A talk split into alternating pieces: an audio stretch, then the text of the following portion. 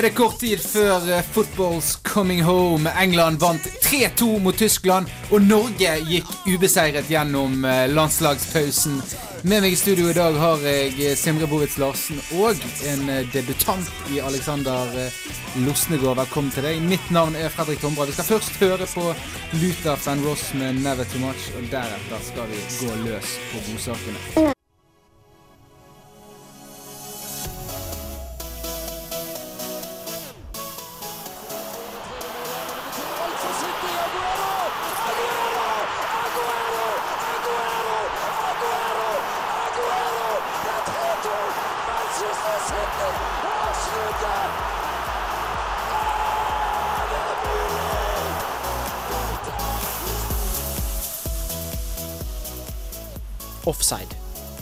Skaper miraklene.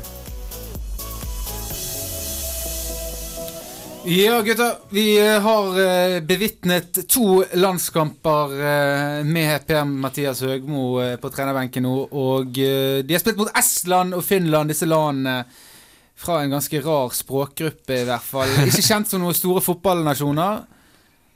Norge vant den ene, spilte uavgjort den andre, i motsatt rekkefølge, riktignok. Ikke veldig imponerende, Alexander. Nei, det var det ikke, som det stort sett ikke pleier å være for tiden under uh, Høgmos ledelse. Det var platt, uh, kjedelig. Vinner riktignok 2-0 mot Finland, som du sier, men det er først og fremst resultatet av at uh, Finland ikke har så stort mye å stille med heller. Litt marginer òg, et uh, tilbakespill som en keeper fomler med, og annet et skudd fra Roman Eremenko, som vel var banens klart beste spiller, som går i stolpe ut i stedet for stolpe inn. Nå begynner Altså, i starten så fikk vi vite det at uh, 4-4-2, innoverkanter, det skulle gå uh, fort, vi skulle styre kampene. Vi tapte mye, men vi kunne unnskylde oss, eller landslagssjefen kunne unnskylde seg med at vi er i en prøvefase, innspillingsfase. Den er vi forbi. Og nå famler han også med hvordan han vil spille, hvem han vil spille hvor. Hvor er planen, Sindre? Nei, det, det er vanskelig å si. Det er det er, lite, det er lite ting som går igjen, da. Det virker som det er helt, helt forskjellig fra, fra, kamp til kamp. Og Alexander, du visste vi satt og prata litt før vi gikk på nå, at med han eh, Nils Arne Eggen så snak, snakka en del om relasjoner og ha en plan med hva man, hva man holder på med. Og det, jeg syns jo det er litt rart, for jeg husker jo fra, fra tida han eh, Høgmo trente TIL, eh, at det var jo liksom det som han var flink på, det var jo å bygge de relasjonene f.eks. mellom kantspiller og back å finne gode midtbanekonstellasjoner sånn. Uh, og Jeg vet ikke om det kan ha å gjøre med at han ikke har like mye tid på treningsfeltet, eller sånn, eller om han bare som sier, famler, famler i blinde. Men det er liksom ikke noe, noe å ta tak i. Det er liksom bare tilfeldig hva, hvordan elver han stiller med, hvilken formasjon det er, hvilke spilleroller det, det kan vi kanskje komme videre på. Men altså, du, du snakka, Fredrik, om, om han Skjelbred som har en helt forskjellig rolle på landslaget enn han har på klubblag jeg tror det er mange, det er mange ting man kan stille spørsmålstegn med, med den, eh, det oppsettet. For Per Stian Skjelbred er jo en av de som har fått mest kritikk. Han har også kritisert media, selv om vi ikke skal ta akkurat den nå. Eh, spiller i en dyp rolle, langt dypere enn han gjorde i Tippeligaen og slo gjennom som eh, indreløper. Spiller som en De kaller han en balltyv, en ballvinner i Herta. Og han skal da være et kreas... Altså en av de kreative spillerne fra en kantposisjon. Og det er klart, da blir det kanskje litt tryggere for han høyrebacken som er bak han, men det blir ikke veldig mye gøyere for de spissene som er foran han, Alexander. Nei, og dette er jo på en måte òg et resultat av den famlingen som vi har sett litt etter hvert nå. Innledningsvis i Høgmo sin periode så var det jo Stefan Johansen som skulle være den store offensive drivkraften i dette laget. Så hadde han vel en god første sesong i Celtic. Nå denne andre sesongen så har det vært litt mer så som så. Han har vel blitt ganske kraftig harselert med i skotsk presse og etter hvert, og at han ikke, rett og slett ikke har holdt mål denne sesongen. Og når da Johansen ikke har klart å levere varene, så eh, har vi, har vi ikke så mange offensive drivkrafter igjen på dette laget.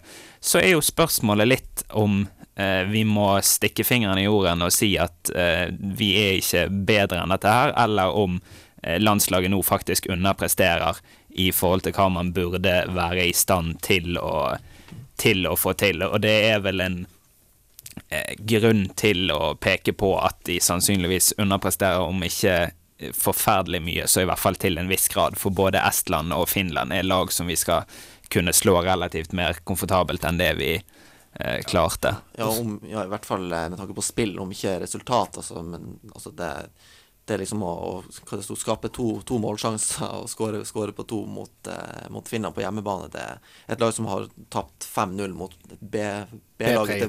Ja, det, er ikke, det er jo ikke utrolig bra. Og så er det jo det, altså Island har gjerne overprestert, og så de har gjerne en stjerne i Gylfi Sigurdsson, men over hele fjøl så er jo ikke det et lag som skal være mye sterkere enn uh, Norge.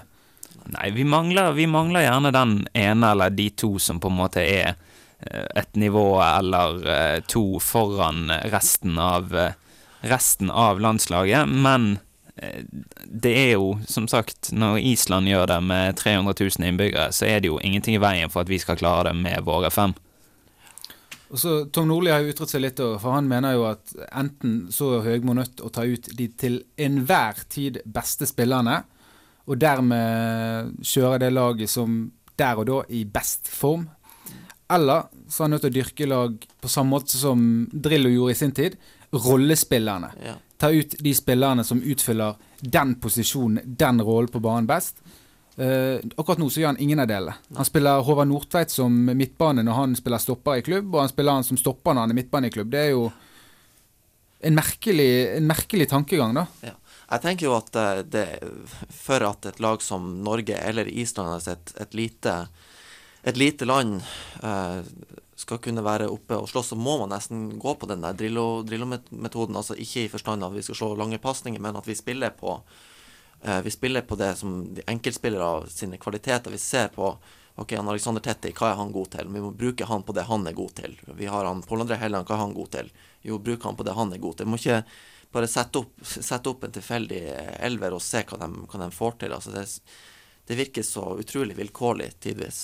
Ja, og så Nå virker det jo litt som om landslaget egentlig i større grad er en treningsarena enn en arena hvor vi skal prestere og få, eh, få resultater. Og Som du var inne på innledningsvis, Fredrik, så slapp jo landslagssjefen til en viss grad unna med det eh, innledningsvis i denne perioden, men nå er det sånn at folk vil se resultater òg. Det viser jo tilskuertallene på Ullevål Eh, senest eh, mot eh, Finland. Det var vel angitt en rundt 4600 tilskuere. For de som så på TV, så er det vanskelig å tro at det var så mange som var til stede der. Men selvfølgelig så trekker jo ikke trekker jo ikke Estland og Finland fantastisk mye tilskuere heller, og det var vi òg inne på her før vi gikk på, at man havner jo i en vurdering der av om man skal møte de lagene som Eh, gir, kanskje gir deg mest publikummessig, eller om du skal møte de som gir deg mest sportslig.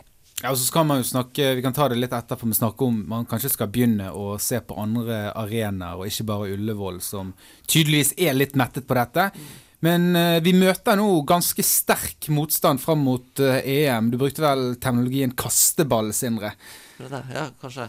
Uh, ja, det blir, jo, det blir jo i hvert fall en annen motstand enn det vi har hatt nå. og jeg er litt sånn der eh, For Hvem er det vi møter? Det er Island, Island, Belgia og Portugal? Ja, det var de tre jeg leste. Og det, jeg tenker litt at eh, Jeg tenker tilbake når de for til, til Parc de Prince og trodde de skulle spille skjorta av Frankrike, og bare ble fullstendig pissa opp etter ryggen. Altså det, så jeg er litt eh, Det er igjen han Høgmoen er veldig med, med store ord og skal skal være så filosofisk og skal mene, mene så mye, og så aner de Ser de ikke ut, ser de ut som noen hodeløse kyllinger som springer, springer, rundt der når det, når det er storlag som altså De gjorde en god figur mot Kroatia.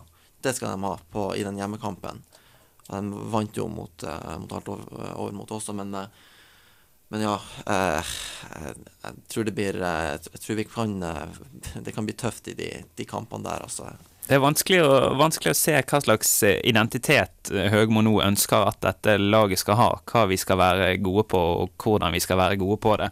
Eh, det var vel fra jeg som var freidig nok til å si at vi sannsynligvis kommer til å bli kasteball i de kampene. Sindre skal slippe, slippe den. Men så er det jo det blir jo et spørsmål. Nå skal vi jo ut i en VM-kvalifisering òg etter hvert, som begynner til høsten, hvor vi skal møte Tyskland og Tsjekkia, Nord-Irland, Aserbajdsjan og San Marino. Sånn, sånn jeg ser det, så er det et par sikre poeng mot San Marino. Vi kommer til å bli relativt enkelt slått av Tsjekkia og Tyskland, og så er det to lag vi kommer til å skli mot borte. Ja. eh, Det er nok av bananskall der som du peker på. Særlig Nord-Irland og Aserbajdsjan er lag som eh, Norge definitivt må ha dagen for å eh, Gjerne for å slå bare på hjemmebane, i hvert fall for Nord-Irlands del. Um, og at vi skal reise til eh, Baku og til uh, Belfast og uh, plukke med oss uh, tre poeng, det har jeg litt vanskelig for å se for meg. Gjerne, ja, unnskyld. Nei, så i hvert fall sånn som det er nå, men du skal få fortsette. Steinar. Ja, jeg tenker Det er jo typisk i sånne kamper vi, vi trenger. Så Vi snakker om at Island har Gylfi Sigurdsson eller- og med flere. og Danmark har Christian Eriksen, Sverige har Zlatan. Det er jo i, i sånne kamper man gjerne skulle hatt en sånn spiller, men jeg klarer ikke helt å se at, at Norge, Norge har det nærmeste vi kommer, er som han Helland til å slå en corner eller noe. Ja, eller det merkelige ønsket om at Martin Ødegaard allerede skal være den personen. For jeg syns Ja. jo det er helt hårreisende at han i det hele tatt er med A-landslaget. Én fordi at vi møter eh, to forferdelig dårlige fotballag. To fordi han spiller i en posisjon eh, hvor han defensivt er for svak og eh, åpenbart ikke moden nok for. Og tre fordi at U21-landslaget møter rett og slett bedre motstand. Spania U21 er bedre enn Finland. De er bedre enn Norge. De er bedre enn Estland. Hvorfor ikke la han utfolde seg mot jevnaldrende gutter som kanskje er teknisk flinkere, men ikke har den samme fysiske Nei, det er vanskelig å si hva som skal, hva som skal tilsi at når han til daglig spiller på tredje nivå i Spania, at han da skal kunne komme inn og sette sitt preg på, preg på disse landskampene. Og det blir jo litt sånn eh, platt, for å si det på den måten, når han eh, får starte disse kampene, og så blir han tatt av i pausen. Da blir det litt sånn en innrømmelse av at ja, ok, dette var et, eh, var et prosjekt, så mislyktes det i dag, men så prøver vi igjen neste gang. Men det var én, særlig én situasjon i den kampen mot Finland som var ganske betegnende på Ødegaard sin landslagskarriere så langt. Eh, jaktet opp en eh, finsk sideback som eh, sikkert kunne vært både 35 og 40 for den saks skyld, sånn som han så ut. Eh, og så får han seg en albue i haken når denne fienden, svære fienden skal skjerme ut denne ballen. Ja. Får riktignok et frispark, men det er liksom Det er det han stort sett får. Det er juling på det nivået der. Og det, men altså, vi kan jo ikke forvente at en eh, ungdom på den måten skal gå inn og dominere, i hvert fall ikke når han ikke har de fysiske forutsetningene som en del av de andre spillerne her utpå har. Ikke har han, eh, ikke har han så gode medspillere heller, som kan, kan spille han, spille han god spill- heller. Nei, altså Problemet er jo at han spilles jo ikke god offensivt, og defensivt så er han Altså Jeg var nede i Kroatia og så han hvor han havnet ofte i duell med Luka Modric. Og Luka Modric er en god defensiv spiller, han, men fysisk så skal du ikke tape ti av ti dueller mot Luka Modric om du skal spille på det nivået. Nei, nei. Uh, altså Du slipper ikke en 16-åring til Ulven og forventer at han skal trylle. Uh, den kjøper jeg ikke. Nei, Det er i beste fall veldig dårlig pedagogikk.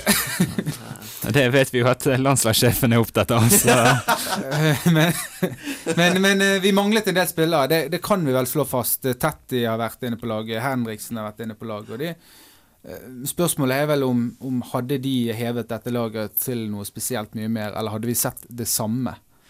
Jeg vet ikke om de er liksom spillerne som, eh, som gjør en 0-0-kamp til en 1-0-kamp, eller som på en måte gjør at vi plutselig faller alle brikkene på plass i det offensive spillet nødvendigvis. Petty var vel toppskåreren vår. Ja, ja. Han var en nydelig goal mot Italia. Så Jeg tror i hvert fall ikke at de er spillerne som gjør en 0-0-kamp til en 3-0-kamp eller til en 4-0-kamp. Så Nei, vi skal uh, slutte å snakke om Norge nå, for uh, det, er ikke så, det er ikke så gøy. Det er som å snakke om Brann i 2000 og, 2000 2015 blir det vel. Eh, 14. Unnskyld. Eh, Morten Abel med Lydia her. Vi skal snakke om litt eh, bedre fotballag eh, like etter. So many jokes, so many sneers, but all those are so near. Oh, what a header! What a goal for Ricky Lambert! What an arrival on the international scene! It's a fairy tale.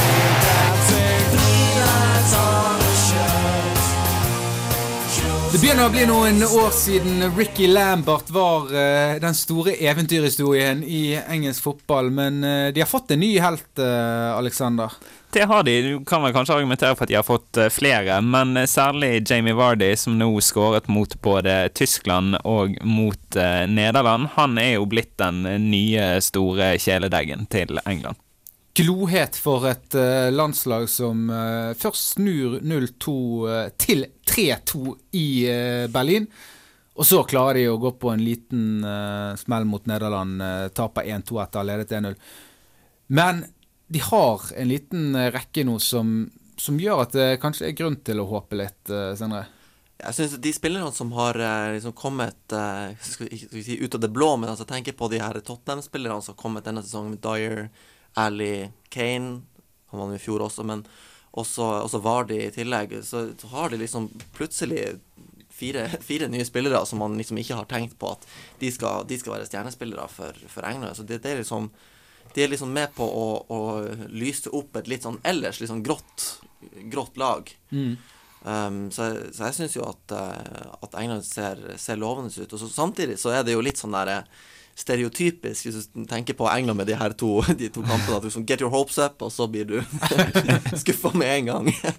så, eh, men, eh, nei, men de er et spennende lag, altså. Det, Eh, Det, det er vel litt det alle er redd for òg, at nå er liksom Nå tror vi har det noe på gang, og nå er det England sin tur. Men det er altså greit, England har ikke en Lionel Messi. Ikke det at noen andre europeiske landslag har han heller, men men de har vært veldig solide i kvaliken. De taper ikke kamper. Uh, ja, ok, Vi kan se bort fra Nederland, som var en privatlandskamp.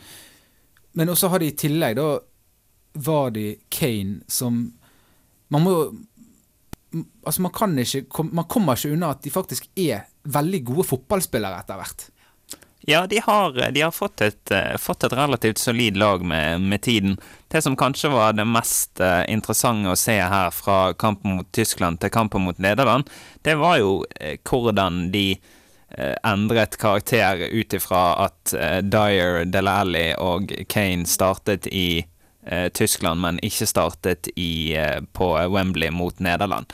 Da var det litt sånn tilbake til, eh, til gamle synder for England sin del. Det var, gikk litt trått, det var litt lite, litt lite trøkk i det.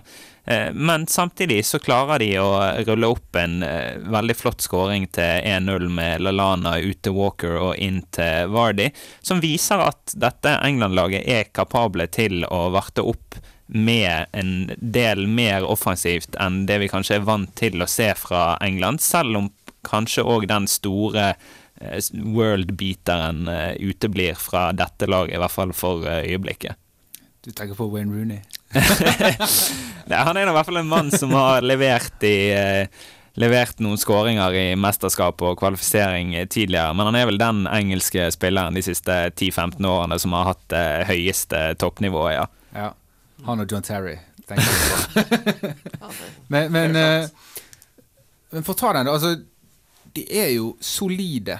Det er jo kanskje det som Altså, altså De kan faktisk gå ut på banen og stenge igjen noe. Være litt kyniske. De har en midtbanekonstellasjon som er fryktelig grå og kjedelig, og som kanskje fungerer fungerer bedre sammen da enn det Frank Lampard og Steven Gerrard gjorde, eller putte inn Paul Scholes eller Michael Carrick, som, som aldri har fungert sammen. De har aldri hatt en midtbaneduo som har virkelig kunnet satt sitt preg på kampen, enten det er defensivt eller offensivt. ja, nei, det, det er helt, helt sant. Så kanskje de har fått, fått til noe av det han Høgmo ikke, har ikke har fått til med å sette, sette sammen noen uh, spillertyper som, uh, som fungerer i lag. Men så har det òg vist seg å kanskje være litt nødvendig, for nå har de jo hatt eh, Cale har vært litt uten spilletid i Chelsea i løpet av sesongen. Eh, Stones og Jagielka spiller på et Everton-lag som eh, lekker som en eh, sil, stort sett. Eh, du har en venstreback hvor det blir et spørsmål om du skal ha Baines og rutinen hans, eller om du skal ha Rose. Altså, så det er nok av spørsmålstegn i forsvaret der òg, og derfor så kommer det kanskje ekstra beleilig at du har fått på plass en sånn konstellasjon på midtbanen som kan trå til og hjelpe til med det defensive arbeidet. Men eh, man, man skal jo ikke glemme én ting, og det er jo at Tyskland gikk jo opp i en 2-0-ledelse, mens Tyskland fortsatt stilte, spilte med sitt beste mannskap. De bytta seg noe svakere i den kampen, og så tar England totalt over. Det var jo ikke en praktforestilling av engelskmennene, selv om de kom eh, fryktelig på slutten. Nei, og det er jo viktig å, viktig å huske på her. Det er jo treningskamper. Det er ikke til å komme unna. Lag eh, skal finne ut hvem de skal ha med til EM. Noen prøver kanskje allerede å finne ut hvem de skal starte med i EM. Eh, Og da er det vanskelig å hente så altfor mye ut av disse kampene, annet enn at enkelte konstellasjoner fungerer bedre enn andre. Men selvfølgelig, når du setter én enkeltspiller inn i eh, en oppstilling med fem spillere som kanskje ikke spilte i den for forrige kampen, så er det selvfølgelig vanskelig å på en måte bedømme både enkeltspillere og laget som en helhet ut ifra det. Jeg eh, så Tyskland eh, mot England, og de startet med en lagoppstilling jeg vil tro er ganske lik den de starta med når det braker løs. Bortsett fra at Antonio Rüdiger skal ut og Jerome Boateng skal inn. Og så tror jeg Mario Gomez blir henvist til benken for å sette Muller opp og Gundogan bak spissene. Jeg synes Tyskland så bra ut. De spiller fram til de gjør et par bytter. Podolski kommer inn, blant annet. Samme mot eh, Italia, hvor de vinner 4-1 og slår en det som de kaller i Tyskland for angstgegner, en marerittmotstander. Virker tyskerne å være i rute, eller virker det fortsatt å være små, små hull de er nødt til å tette eh, ut ifra de to kampene? Altså, de, de leder 2-0 og taper 3-2. Det er selvfølgelig ikke noe styrke, styrketegn, men, men samtidig altså, jeg, jeg er jo enig med at det, så, så lenge du stiller med Rydiger bak der, så kan liksom alt, alt skje. Du kan få eh, både, både himmel og helvete. Så jeg syns det tyske laget er ekstremt solid. De har veldig masse gode spillere å, å ta av. Kanskje spesielt offensivt har de en enorm, enorm bredde. Slitt defensivt eh, siden, egentlig helt siden VM. De har eh, levert dårlig, og de, de slipper jo inn mål. De kunne jo kontrollert Italia-kampen inn Kunne i hvert fall holdt nøl, samme egentlig mot England. De, de kunne forsvart den ledelsen, ledelse, men de klarer det ikke. Er det grunn til å sette spørsmålstegn ved det som leveres eh, defensivt? Er det midtbanen som ikke er sterk nok eh, defensivt, med Kedira, Cross? Kedira har jo i hvert fall tidligere vært en spiller som har vært kapabel til å håndtere den rollen som han har i det, i det tyske landslaget. Men jeg tror nok egentlig det at, som du nevner, eh, nevner innledningsvis her, at dette er nærmt, om ikke det eksakte tyske mannskapet som starter når morgenen går i gang i, i Frankrike. Og da tror jeg egentlig at Løv eh, har, tar seg råd rett og slett til å teste litt flere spillere og prøve ut litt andre konstellasjoner. Jeg tror han er såpass trygg på at det laget som han sender utpå i Frankrike i sommer, skal være i stand til å slå egentlig hvem som helst de skulle møte, at han derfor eh, ikke har helt sett den veldig store verdien i disse treningskampene. De får også testet ut uh, trebackslinjen sin. Uh, det var Rudiger, Mustafi og uh, Hummel som startet bak. Og Øsel flyttet ned i en litt uvant uh, sekserrolle, kan du kalle det. Mot Italia, et lag som er langt mer vant til å spille med denne treeren bak.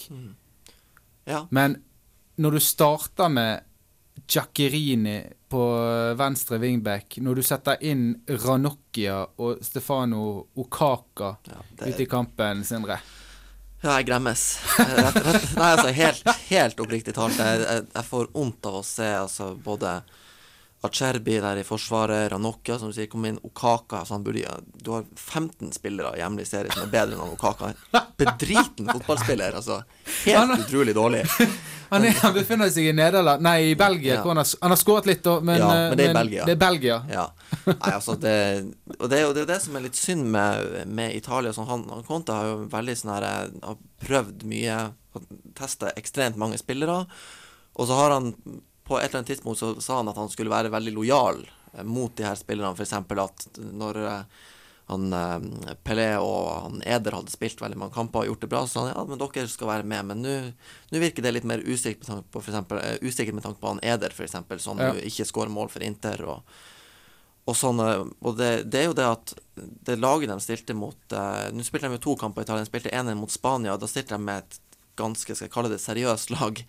Um, han tester jo ut et nytt system med 3-4-3. Han har jo før hatt en 3-5-2 som er mer ja, mer balansert, eller hva jeg Ja. skal si. Mens nå har han liksom eh, innsett at de har et par, par ving, vinger i Italia som egentlig bør spille for enhver pris. Um, Da tenker du på da tenker jeg på Insigne, tenker på El Sharawi, så har du Bernardeschi bak han, så har du en Berardi som ikke var med i troppen nå. Um, at det er spillere som, som har mer å komme med, egentlig, enn f.eks. Eder eller eh, Graziano Pelle, for den saks, den saks skyld. Ja, for nå, mot Tyskland startet de vel med Simone Ja, Sasa. Sasa som spiss, og så Bendeski og uh, Insigne på Men, men hvem er det som er førstevalget til Italia på topp? Nei, det er jo det, er jo det da. Det, um, hvis skal ha, det er jo det som Italia, som egentlig mange andre storlag, mangler jo den her spydspissen. Det er jo han Balotelli som har liksom vært det de etter, eh, etter at det gikk skeis i 2010, så er det liksom han som ble satsa på. Men han, han er jo virker å være veldig i fryseboksen.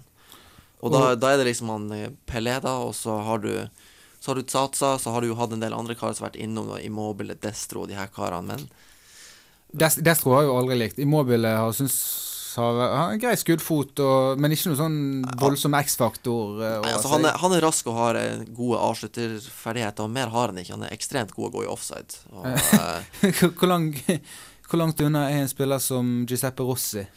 ja, det, er jo, det er jo litt trist. Jeg syns jo han er jo den beste angrepsspilleren Italia egentlig har. Eh, men, men han er jo så Han er jo litt kjeks, dessverre. Og jeg tror, ikke, jeg tror dessverre ikke at han får være med. Og det, det er et enormt tap for Italia. Jeg husker at da han Prandelli var ny, ny landslagstrener, altså det må jo ha vært etter, etter 08 Nei, hva jeg sier nå? Etter ti må det jo ha vært, selvfølgelig. Etter han Lippi gikk. Da brukte han eh, Balotelli og Giuseppe Rossi som spisspar et par kamper. Og de to var så gode i lag. Og det er så trist for Italias del at de ikke At det ser ut at det ikke får, får se. Men, men det som jeg skulle, skulle si tidligere, da, som jeg aldri, aldri, aldri kom til eh, Det var det at, at eh, det som er synd med, med måten han Conte opererer på, det er at Italia får aldri stilt med et toppa lag. Altså det, hvis du ser det lag som stilte mot Tyskland, så tipper jeg at det er tre av de spillerne som blir å starte Ja. så har du åtte stykk som er ute, liksom, som, eh, som egentlig skal, er tiltenkt å, å starte, eller bør, bør starte foran mange av de her. For Vi fikk ikke sett uh, Verratti, vi fikk ikke sett uh, Markisio. eh, Ingen av de faste. Du fikk bare Bonucci de faste stopperne. Så altså, eh, han, jeg vet han kom til glad i han Jacqueline, men han skal ikke starte. Nei. Det Ha meg unnskyld, men han skal ikke starte. Nei, fordi eh, den kjærligheten som han har til en del av disse wingbackene, skråstrek wingspillerne, den gir seg jo en del merkelige utslag, både i eh, den grad at eh, det sies at en av grunnene til at han gikk fra Juventus, var det at Juventus ikke maktet å signere Cuadrado i første omgang fra Fiorentina. Nå havnet han jo der til slutt eh, etter et lite mellomstopp i Chelsea. Eh, Men han er jo en mann som er veldig glad i disse spillertypene. Og eh, selvfølgelig, altså en mann som eh, Giaccherini har lite å gjøre i et eh, EM for eh, Italias del, altså. Men eh, Det eneste som er med han, det er at folk kan undervurdere han, og så, så overrasker litt. Altså, at, altså, han, har jo det, han er jo en potet av rang og springer som en tulling, men altså, han er jo ikke noen voldsom fotballspiller. nei, da vil jo jeg mye heller se en spiller som Insigne, som du er inne på, som har et helt annet uh, offensivt repertoar å spille på. Uh, vi skal eh, bevege oss videre. Vi skal ikke ta for oss uh, to av de andre favorittene, Spania eller Frankrike, helt ennå. Vi skal komme tilbake til de seinere. Det har vi vel også sagt eh, i forrige sending, men vi skal allikevel en tur eh, nedover til eh, Spania. Men først får du Frank Ocean med 'Swim Good' her på eh, Offside på studentradioen i Bergen. Sails it in. Beautiful pouncing header right over the top. Here, Fazio can't do anything. And Sergio Ramos gets a nimble erection. Like to say I'm excited. I don't know if I'm as excited as he is. 2-2 the score. Well, that's what his body language was telling me. Offside. Det er lett å la seg bli opphissa av god fotball.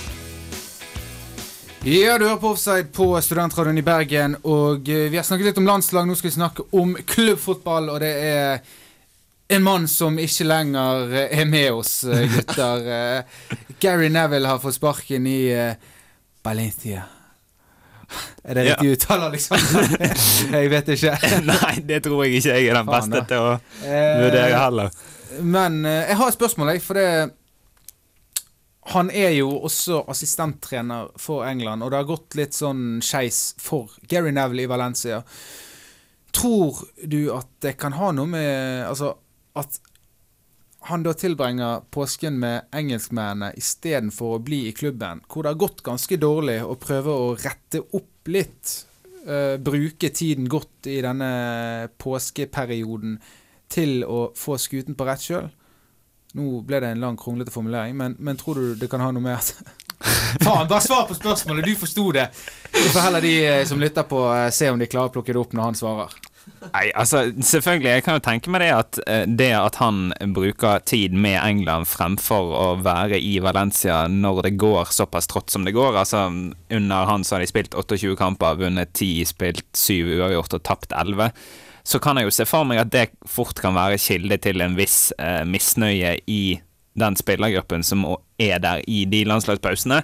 Samtidig så er det jo Peter Lim som har hentet inn Neville til dette Valencia-prosjektet sitt. Og Lim og Neville er jo blitt relativt eh, gode bekjente etter hvert. Eh, Lim eier en andel i eh, Hotel Football i Manchester som eh, eh, det er vel Neville og resten av eh, Uniteds Class of 92 som eh, driver, og eh, han eier òg 50% i Selford City, denne fotballklubben som eh, eh, Class of 92 eh, kjøpte opp her eh, for ikke så forferdelig lang tid siden. Så jeg antar jo at han har klarert det med Lim sånn sett, men at eh, stemningen i klubben nødvendigvis ikke har vært fantastisk når han har eh, pakket sin bag og dratt sin kos til England, det kan jeg se for meg. For det er jo litt spesielt at eh, en mann som eh, har null trenererfaring, har sittet i et sportsstudie, snakket fotball og Sånn, Han blir rett og slett ansatt av en av de største klubbene i Spania. Det hadde jo ikke skjedd at eh, la oss si Fernando Morientes plutselig hadde dukket opp som hovedtrener i Manchester United eller i Chelsea, Liverpool eh, senere. Nei, det virker veldig, veldig rart. Altså, det, man, har jo, man har jo sett tilfeller hvor uh, uerfarne trenere får, får sånne jobber, men da er det for at de har en spesiell tilknytning til, til klubben. Så hvis det hadde vært Ruben Barajas som hadde fått jobben, eller noe sånt, så hadde jeg skjønt det mer. Men uh, uten at jeg aner hva han holder på med nå for tida. Det var et eksempel ut av, det blå. Men, eh, men det virker veldig sånn spesielt. Og eh, når, når du i tillegg får, får litt sånn mer eller mindre bekrefte at ikke han har hjertet helt, helt i at han heller har lyst til At han heller er med England på, på samling, så, så tror jeg det kan ha vært litt sånn siste dråpen. Han, For det, det er greit at han uh, har lyst til å være med i England, har følelser for nasjonen og alt det greiene der. Har vært assistenttrener gjennom hele kvalifiseringen.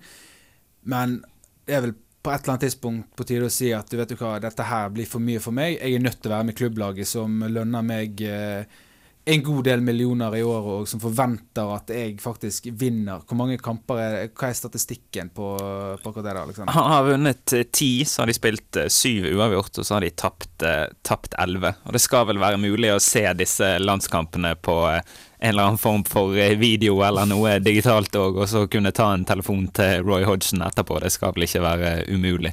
For Valencia er jo et lag som greit, de, skal kanskje, de kan kanskje gå på en smell mot Barca Real Madrid. Uh, og med smell så mener jeg tap, som egentlig ikke er en stor smell. Men så skal de være jevnspilt med kanskje da lag som Atletico Madrid, eh, Sevilla, Villarreal og disse lagene her. det er jo en, det er jo en storklubb. Det er jo en, en, eh, ja, en av de største klubbene i Spania. Og den statistikken der, det høres jo ut som en middelhavsfarer av rang. Så Ja. det, det, er jo, det er jo ikke bra nok, rett og slett. Fantastisk ny stadion har de etter hvert òg, og så har de fått eh, servert eh, relativt variabelt eh, med underholdning denne sesongen. Men hvordan er det med, vet du, hvordan er det med økonomien til den klubben der? Har ikke det vært litt eh, Nå som Lim har kommet inn, så antar jo det at de har fått seg en oppsving rent økonomisk sett. Han er vel en milliardær fra Singapore, hvis jeg ikke tar, eh, tar helt feil. Sånn at det rent økonomiske aspektet skal de vel begynne å få litt bedre kontroll på. Men selvfølgelig, du vil jo ha problemer med å lokke til deg de helt eh, store signeringene, så lenge du ser det at eh, dette er snakk om en klubb med eh, ja, som rett og slett er litt i kaos. Men de var vel annet på et tidspunkt linket til Mourinho etter at han fikk fyken i Chelsea, så det er vel kanskje ikke pengene skal stå på med det første, i hvert fall. Nå sier han eh, Benitez ikke gikk tilbake og tok den jobben istedenfor uh, Ja, det spørs jo da om han blir i Newcastle Ja. ut hele sesongen. Hvis de går ned, så forsvinner Jeg- jeg han derfra. Så det er jo for øvrig en er tidligere Benitez-assistent, eh, Paco Ayestaran. Ja. Var det riktig uttalt, eller? Nei, prøv det en gang til. Jeg må høre det på nytt. Paco Ayestaran. Nei, jeg tror det er feil. Men eh, Paco skal ta over Valencia. Det kan vi slå fast. Det kan vi slå fast. Tidligere vært assistenttrener for eh, Rafa Benitez i både Liverpool og da Benitez var i Valencia. Og sannsynligvis så snakker han eh, spansk. Bold. eh, Det håper jeg, han høres ut som en spanjol. I hvert fall bedre enn vi gjør. Det tror jeg vi kan være Men sikre eh, på. vi skal videre, for det, at, eh, det er et annet oppgjør som eh, fullstendig overskygge alt som har med Valencia å gjøre eh, til helgen. eh, Og det er selvfølgelig El Clásico med Barcelona hjemme og Real Madrid eh, da borte, naturligvis. Det er et oppgjør som vi kanskje hadde håpet skulle ha mer å si for sesongen til disse to lagene, for eh, Barca med seier går opp i en 13 poengs luke på like mange kamper spilt. Eh, Real Madrid de er da nærmere en fjerdeplass enn eh, tabelltopp, og det er vel ikke helt etter planen, Sindre. Nei, det, det er jo selvfølgelig ikke det. Eh, men eh, jeg må si på eh, Når du ser på starten av sesongen de ansatte Benitez, så, så er jeg ikke, jeg er ikke overrasket i det hele tatt at det har, har gått, gått den veien det har. Um, og jeg tror det er litt tøft for Real Madrid nå, for de, de, klart, de har jo sittet og revansjert etter det første, det første oppgjøret hvor de ble ganske ydmyka på hjemmeball. Det var 0-4 eller 1-4. Det var tungt, i hvert fall. Ja, det var- ja. Stadfeste. Ja, og, og skal liksom komme og eh, ja, komme på Camp Nou og skal, skal rette opp på det og ligge så langt bak på tabellen og Barcelona i superform. Jeg, tror, jeg tror det der blir brutalt for dem. Det, det er selvfølgelig, de er selvfølgelig et kanonbra fotballag, men, eh, men Barcelona er så god nå at jeg tror at de tar det. Og så er det altså Real Madrid de har nå uh, Greit, de har Champions League. Der møter de Wolfsburg. Det, det er helt greit. De er ute av Copa del Rey. Det er jo kun Altså hvis man skal koke ned denne sesongen til et eller annet, altså, så, så må, en borteseier fra Barca er jo det eneste som kan i hermetegn redde litt av æren i ligaen. Er det ikke det? Jo, det er vel egentlig det, når, eh, når det kommer til syvende og sist. Altså ut av cupen, som du sier, etter en eh, amatørfeil eh, med registrering av spiller, av alle ting. Og eh, selvfølgelig, Wolfsburg eh, har de vel gode muligheter til å ta seg forbi Champions League, særlig de, ettersom de avslutter på hjemmebane. Men at de skal gå noe stort lenger enn det og slå eh, Barcelona i Champions League eller slå Bayern München, det har jeg vanskelig for å se. Eh, Så skal det jo sies òg at selv om du kan vel på en måte beskrive dette som Barcas første matchball til den tittelen, som du sier, hvis de vinner, så vil de lede med 13 poeng på Real. De vil ha eh, minst 9 poeng ned til Atletico Madrid.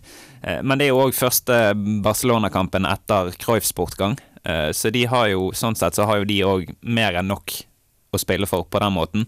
Eh, og jeg tror nok ikke det at eh, de vil eh, hedre det som vel er den største mannen i Barcelonas eh, historie med noe annet enn en seier over Real.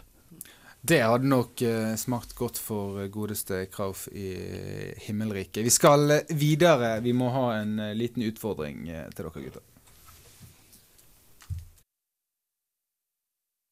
Offside presenterer Sergio Romero. Slutter på samme bokstav. Slutter? Har du tatt Jeg har tatt begynt, jeg. Å, har jeg misforstått hele greia, da? Nei. Nei. Ok, Langland! Greier du det, da? Ukens utfordring. Utfordring er der i sendingen. Jeg skal eh, gi gutta et kriterium, og de skal sette opp elleve mann på ett lag. Og eh, kriteriet denne gangen, det er litt sånn eh, Jeg må i tenkeboksen sjøl her, og det kan være at vi må gjøre et par eh, kjappe søk etterpå for å dobbeltsjekke. Men jeg vil ha den dårligste elveren Norge har stilt under Per-Mathias Høgmo. Ikke samtidig, men jeg vil ha de dårligste elleve spillerne som har vært på banen under en Høgmo-kamp. Og eh, da er det bare til å levere. Dere skal få lov til å eh, høre på The Rolling Stones med 'Sympathy for the Devil' i mellomtiden. Presenterer Det blir mye fun. Jeg gang. vi, tar, vi tar forsvarsrekke. forsvarsrekken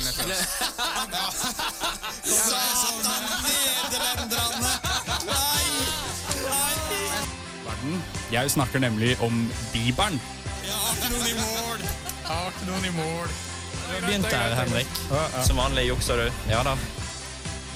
Og så, på venstrekanten, hvem har jeg der til å åpne opp forsvaret? Jo, jeg har Moses. Og du rota deg inn i islam. Det, det var ikke helt det. Nei, jeg er uenig at du sa religion. Så jeg, men eh, nei, men Sondre, du vant, du, kanskje. Ukens utfordring. Har du noen googla her, eller? Ukens utfordring gikk på at uh, dere skulle sette opp en elver bestående av de dårligste spillerne Per-Mathias Høgmo har satt ut uh, på banen under hans uh, tid som regissør for det norske landslaget, Alexander. Og du kan vel bare begynne å ramse opp fra bakre firer og keeperplass. På keeperplassen så gikk jeg faktisk for Nyland. eh, Rett og slett fordi jeg syns han ikke er eh, Ja, han er en ordinær keeper, men jeg syns ikke han er så mye mer. Han er en god skuddstopper, men særlig når det kommer til feltarbeidet, så han, eh, kan han være under enhver kritikk. Resten av backrekken min, det eh, gikk jeg for eh, Høgli og eh, Per Egil Flo på sidebekkene. Per Egil Flo kan jeg gå med på. Jeg er jo også enig i altså, Espen Ruud er ikke fan av. Ruud, ja. Stemmer det. Selvfølgelig på høyrebekken. Oi, oi, oi. Nei, Høgli var litt, igjen litt sånn traust, eh, kjedelig type. Stoppaplassen stopperplassen kan jeg ikke huske at Høgmo har eh, eksperimentert så voldsomt mye med.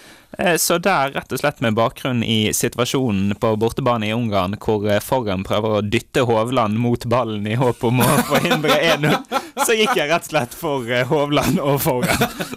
Ikke noe Steffen Hagen eller noe sånn joker, Sindre. Herregud, hvis man hadde kommet på det navnet til Google-kongen der borte, så hadde det jo vært greit.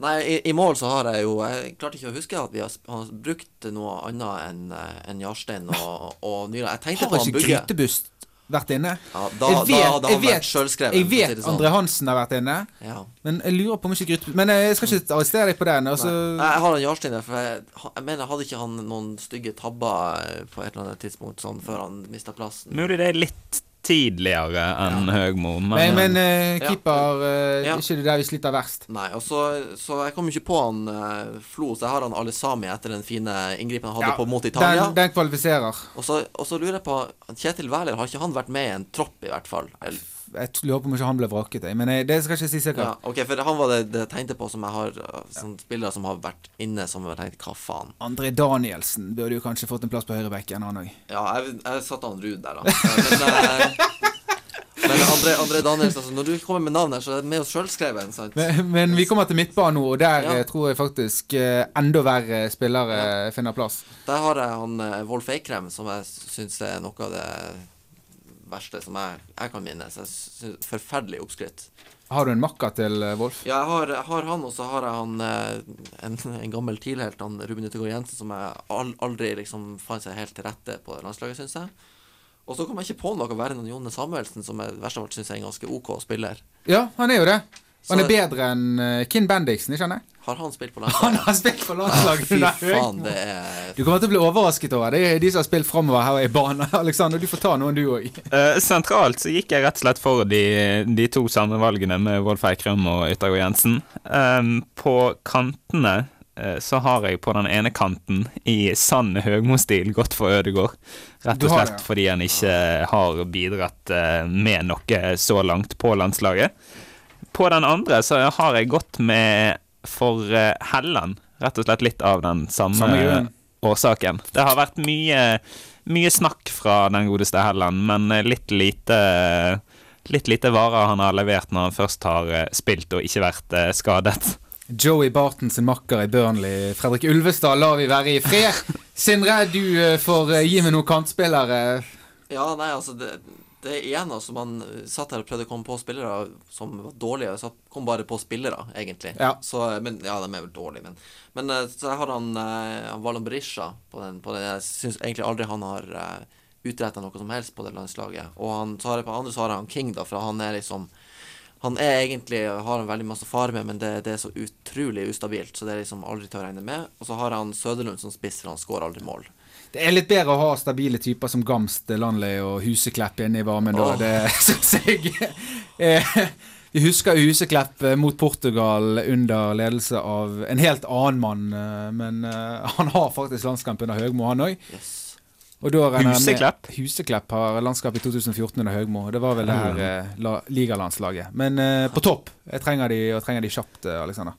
Jeg har gått for Diomande og Søderlund. Jeg var inne på tanken på King, jeg òg. Men eh, som vi har diskutert, eh, det var vel kanskje før vi gikk på her, så har han i hvert fall det jeg mener tidvis kan minne om et internasjonalt snitt over seg. Han er helt enig med Sindre i at han er så ustabil at det er helt skremmende. Men eh, han har i hvert fall noe noe som skulle tilsi at han har noe å fare med internasjonalt. Verken Diomande eller Søderlund har vel helt klart å vise seg frem utenom i tippeligaen eh, så langt. Men Fredrik Brustad han vet vi kan levere på de, sine beste dager.